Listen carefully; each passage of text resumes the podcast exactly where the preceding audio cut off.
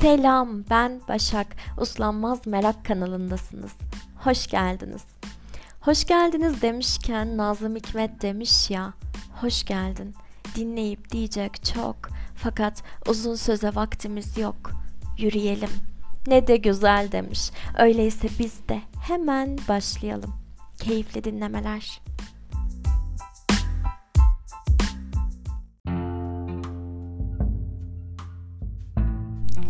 Bugün çok heyecanlı olduğum bir konuyla karşınızdayım. Hani Kenan Doğulu'nun şarkısında ama karar ver tutamıyorum zamanı dediği o akıp giden, uçup giden, tutmak isteyip tutamadığımız, bazen geçmek bilmeyen zamanın yönetimi hakkında konuşacağız. Stephen Covey'in 1989 yılında yayımlanan ve hala dillerden düşmeyen Etkili İnsanların 7 Alışkanlığı kitabından faydalanacağız. Kimdir Stephen Covey derseniz de kim değil ki diye bir cevap alabilirsiniz benden. Keza kendisi bir uluslararası liderlik otoritesi, aile uzmanı, eğitmen, kurumsal danışman ve yazar. Gerçekten bu kitabı okuduğumda hayran kalmıştım. Şiddetle tavsiye ediyorum.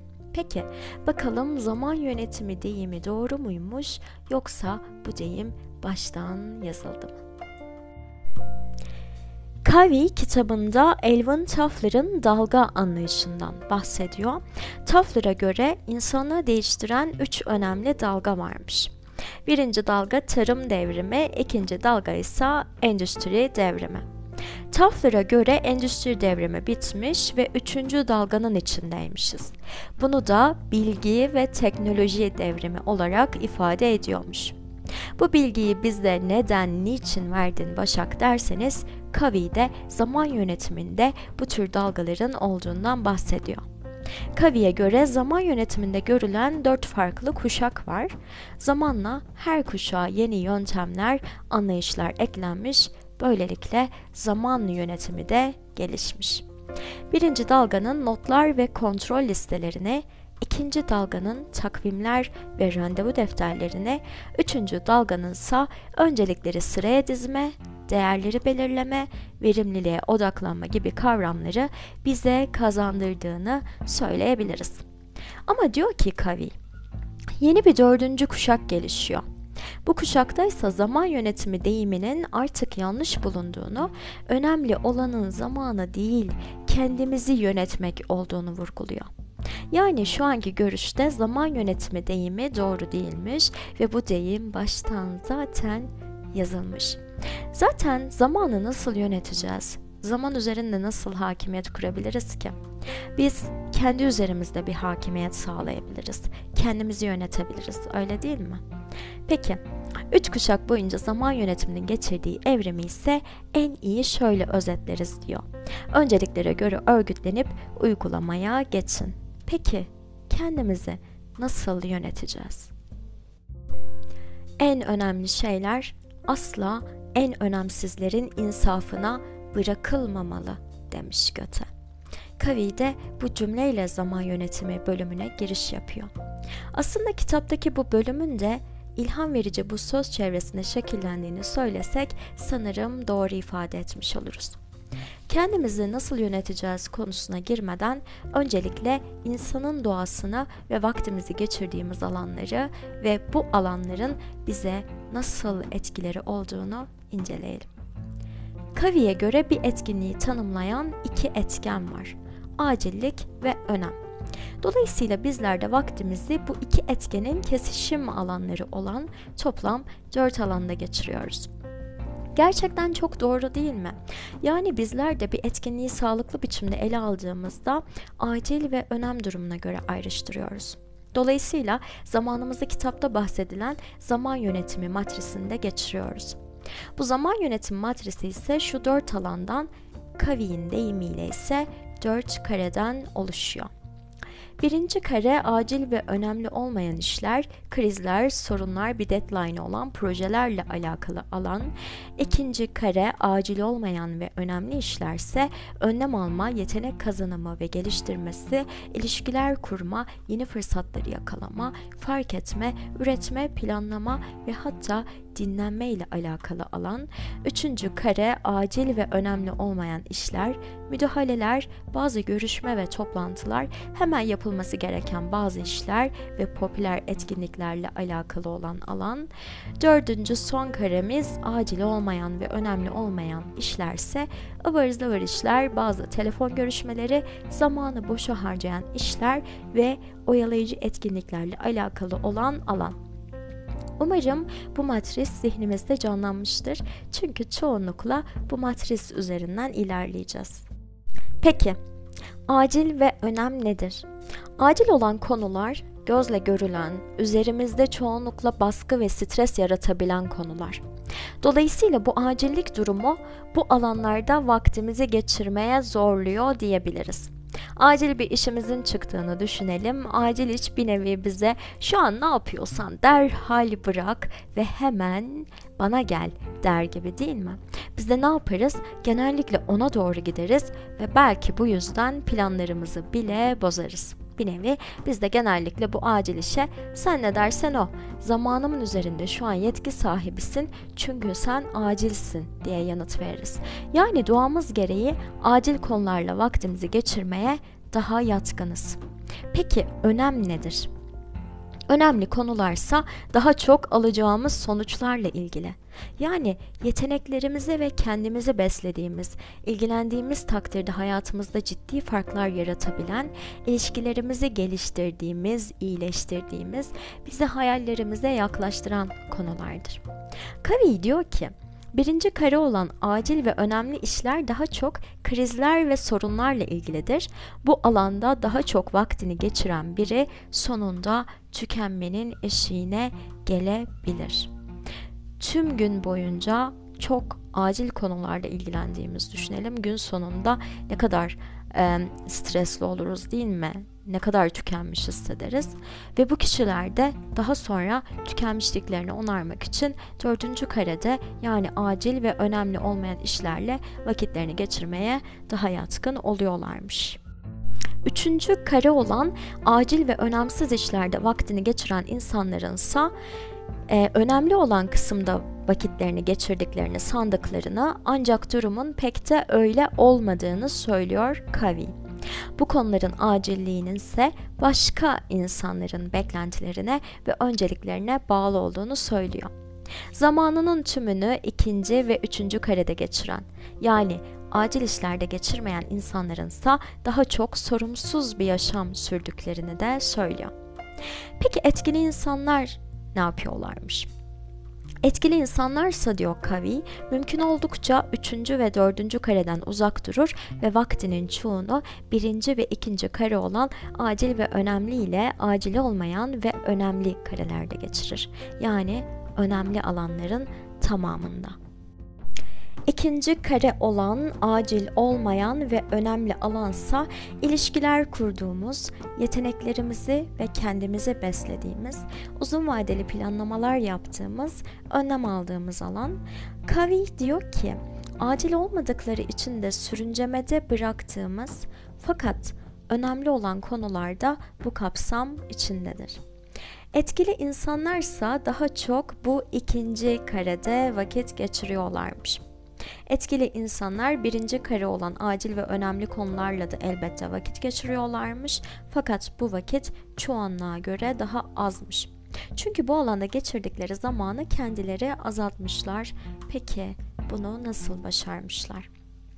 Yetenek edinimi, önlem alma, ilişkiler kurma gibi saydığımız ikinci karedeki etkinlikleri etkili insanlar ertelemiyorlar önemli konuların ve önceliklerinin farkındalar ve bunlar için zaman ayırıyorlar. Böylelikle daha çok krizlerle ve sorunlarla alakalı olan alanı daraltıyorlarmış. Yani acil olmayan fakat önemli olan işlerle ilgilendiklerinde bunun bir sonucu olarak da karşılarına daha az kriz ve soru, sorun çıkıyormuş. Neden? Çünkü kendilerini geliştirdiler, daha fazla yetenek kazandılar ve krizleri ve sorunları daha çıkmadan önlemiş oldular ve böylece de kendilerine alan ve zaman yarattılar. Yani arkadaşlar etkili insanlar önemli konuları nasılsa acil değil diye, nasılsa bir gün yaparız diye, nasılsa şu an zamanı değil, nasılsa daha vakit var diye ertelemiyorlarmış. Kavi diyor ki yaptığınız takdirde hayatınızda ciddi farklar yaratabilecek işler neler bunları bilmelisiniz ve bunlardan taviz vermemelisiniz. Kendimizi düşünelim. Diyelim bir arkadaşımıza bir hayalimizden bahsettik. Diyoruz ki ah şunu bir yapabilsem hayatımda çok ciddi farklar yaratacağından çok eminim. Arkadaşımız da bize diyor ki e neyi bekliyorsun? E biz de diyoruz ki ya o kadar fazla acil iş var ki şu işler bir bitsin onu da bir gün yaparız. Ama asla o gün gelmiyor. Çünkü size bir haberim var. Acil konular bitmiyor. Yani eğer etkili bir insan olmak istiyorsak acil olmayan ve önemli olan konulara vakit ayırmamız gerekiyor. Buna vakit yok dediğinizi duyar gibiyim ama bir çözümümüz var. Bunun için de burada ayıracağınız zamanı önemsiz olan her alandan yani üçüncü ve dördüncü alandan almalısınız. Birinci kare olan acil ve önemli konuları görmezden gelmemiz mümkün değil elbette. Aksi halde sorumsuz davranmış oluruz öyle değil mi? Çünkü hem acil hem önemli. Kavi diyor ki üçüncü ve dördüncü karelerde geçirdiğiniz zamanlara hayır deyin. Etkili insanlar önemli olmayan şeylere hayır diyorlarmış. Peki bunun bir yolu var mı? Bizim için neyin önemli olduğunu, hangi sonuçları istediğimizi iyi bilmiyorsak acil konulara kapılıp gideriz. Ama biliyorsak hayır diyebiliriz. Bu noktada kitapta hayran kaldığım ve altına çizdiğim bir cümleyi de aktarmak isterim. Sizin için nelerin daha önemli olduğuna karar vermeli ve sonra da diğer şeyler konusunda nazikçe, gülümseyerek özür diliyormuş gibi davranmadan hayır deme cesaretini göstermelisiniz. Bunu da içinizde alev alev yanan daha büyük bir evet olduğu takdirde başarabilirsiniz. Çoğu zaman iyi en iyinin düşmanıdır. Ne kadar harika söylemiş değil mi? Yani kendimizi önemli gördüğümüz şeyleri bilmemiz, içimizde alev alev yanan o eveti bulmamız ve kalan şeylere özür dilemeden hayır diyebilmemiz gerekiyor. Hayır diyebilmek üzerine de yazılmış yüzlerce kitap var, yapılmış yüzlerce konuşma var. Hayır diyebilmenin önemi konusunda hemfikirizdir sanırım. Yani yeri geldiğinde hayır diyebilmek kendimize, hayallerimize, tutkularımıza evet demektir belki de. Hatta Gray başarının ortak paydası denemesinde diyor ki Başarılı insanların başarısızların hoşlanmadığı şeyleri yapmak gibi bir alışkanlıkları vardır. Onlar da bu işlerden hoşlanmıyor olabilirler ancak hedefe varma arzularının gücü hoşnutsuzluklarını yener. Eğer gerçekten kendimizi biliyorsak, önemli gördüğümüz şeyleri biliyorsak, isteklerimiz konusunda tutkuluysak bu tutku zorlu işlerde bize yardımcı olacaktır. Zaten Yunus Emre dememiş mi? İlim ilim bilmektir. İlim kendin bilmektir. Sen kendini bilmezsen bu nice okumaktır. Yani önce kendimizi bileceğiz. Yani o akıp giden zamanla bir acil işten ötekine sürüklenmemek için e, kendi önceliklerimizi ve önemli gördüğümüz şeyleri bilmeli ve kendimizi yönetebilmeliyiz. Bunu da kendimizde hayallerimizi, önceliklerimizi çok iyi biliyorsak başarabiliriz. Peki bunu nasıl bileceğiz? Kavi diyor ki hemen her şeyi bırakın ve öncelikle kişisel misyon bildirgenizi oluşturun. Peki nedir bu kişisel misyon bildirgesi? ne olmak istediğinizi yani karakteri, ne yapmak istediğinizi yani katkılar ve başarıları ve bunları gerçekleştirirken hem kendinizin yaşayacağı hem de çevrenizde yaşatacağınız ilkeler ve değerleri belirleyin ve hayatınızı da buna göre şekillendirmeye başlayın diyor. Ve bunlardan yola çıkarak hayattaki rollerinizi belirleyin. Rollerinize uygun önem durumlarına göre hedeflerinizi belirleyin ve bunları planlayın. Planladıktan sonra da programlayın ve yetkilendirin diyor. Bu süreçte tutarlı olmalı, bizim için neyin önemli olduğunu bilmeli, hedeflerimizi belirlemeli, hayattaki rollerimizi bilmeli ve hayattaki tüm bu rollerimizin üzerine çalışmalı, dengeli olmalı, gerektiğinde başka insanlara yetki vererek kendimize alan yaratmalıyız diye de ekliyor. Peki şu an benim üzerimden gidelim, örnek verelim benden. Şimdi diyelim ben e, kişisel misyon bildirgemi oluşturdum. Yani bu hayatta ne olmak istediğimi, ne yapmak istediğime ve hem kendimin yaşayacağı hem de çevreme yaşatacağım ilkelere ve değerlere karar verdim. Daha sonra da rollerimi belirledim hayatın içerisindeki. Mesela benim rollerimden bahsedeyim. Ee, çok kısa tutacağım bu alanı. Birinci rolüm birey yani kişisel gelişim alanım. İkinci rolüm aile içerisindeki rolüm bir evladım ve bir ablayım. Üçüncü rolüm kariyerdeki rolüm bir yazılım geliştiricisiyim. Dördüncü rolüm ise buradaki rolüm yani bir içerik üreticisiyim. Şimdi rollerimi de belirledikten sonra misyonlarıma da uygun olacak şekilde e, önemli olan şeyleri benim için biliyorsam hedeflerimi belirliyorum. Hedeflerimi bu rollerim çerçevesinde belirliyorum. Yani birinci rolüm olan bireyde kendi kişisel gelişim alanımda ulaşmak istediğim hedef ne? Aile içerisinde yani ikinci rolümde ulaşmak istediğim hedef ne? Yine kariyerimdeki sosyal hayatımda ulaşmak istediğim e, hedeflerim neler? Bunları belirliyorum. Bunları belirledikten sonra da e, programlamaya, planlamaya ve programlamaya başlıyorum. Peki planlamayı nasıl yapacağız? E, Kavi diyor ki günlük plan yaparsanız istemeden de olsa doğanız gereği acil işlere yine de öncelik verdiğinizi göreceksiniz. Fakat haftalık plan yaparsanız önceliklerinizi önemli olan şeyleri belirlemeniz daha kolay olacaktır. Çünkü daha geniş bir çerçeveden bakıyor olacaksınız ve zamanınızı daha doğru ele alabileceksiniz diyor. Ve diyor ki takviminizde de her zaman öngöremeyeceğiniz acil ve önemli işler için boş alanlar yaratın diyor. Yani ben bu rollerime uygun olarak hedeflerimi belirledikten sonra bir haftalık plan yapıyorum. Önceliklere göre bu hedeflerimi bir sıraya sokuyorum ve haftalık planda istediğim alanlara yerleştiriyorum ve öngöremeyeceğim acil alanlar içinde kendime bir alan yaratıyorum ki strese girmeyeyim ve planlarımı da çok da bozmak zorunda kalmayayım. Bunları yaptıktan sonra da programlamaya, uygulamaya başlıyorum ve aynı zamanda da eğer yetkilendirebileceğim kişiler varsa çevremde o görevler için onları yetkilendiriyorum. Böylelikle de çok güzel bir program yapmış olduk. Şimdi kitapta e, çok daha detaylı açıklıyor. Ha bu arada bir şey daha eklemek istiyorum.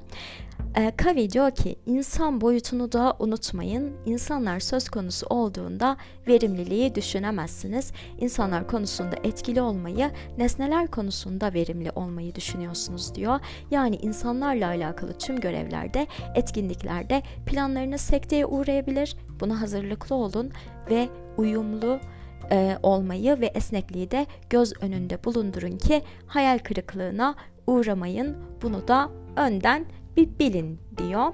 Hatta kendi oğlundan bir örnek veriyor burada. Şu an aklıma gelince bir gülümsedim fark ettiniz.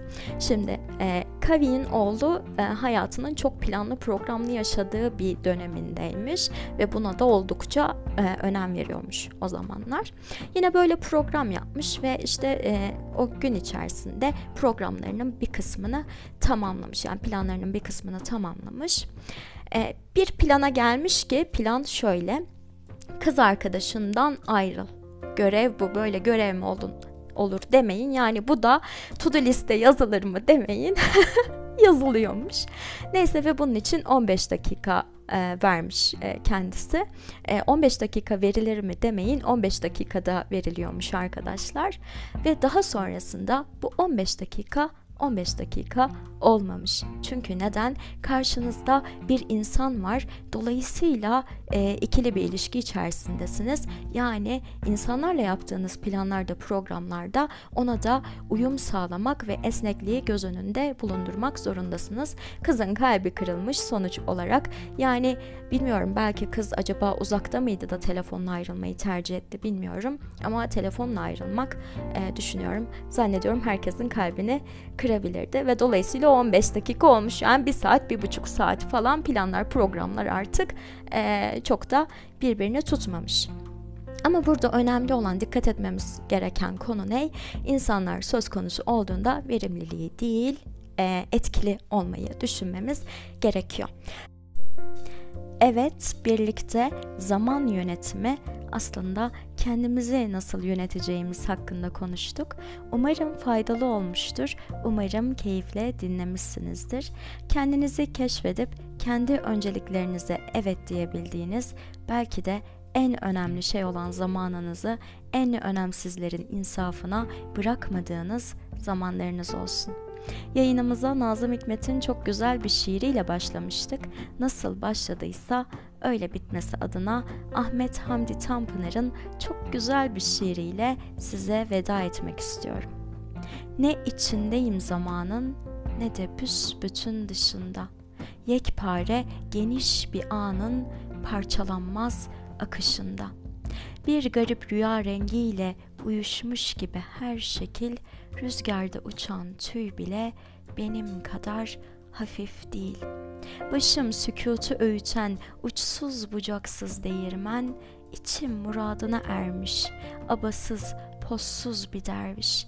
Kökü bende bir sarmaşık, olmuş dünya, sezmekteyim. Mavi, masmavi bir ışık, ortasında yüzmekteyim. Hoşça kalın ve merakla kalın ama asla uslanmayacak bir merakla.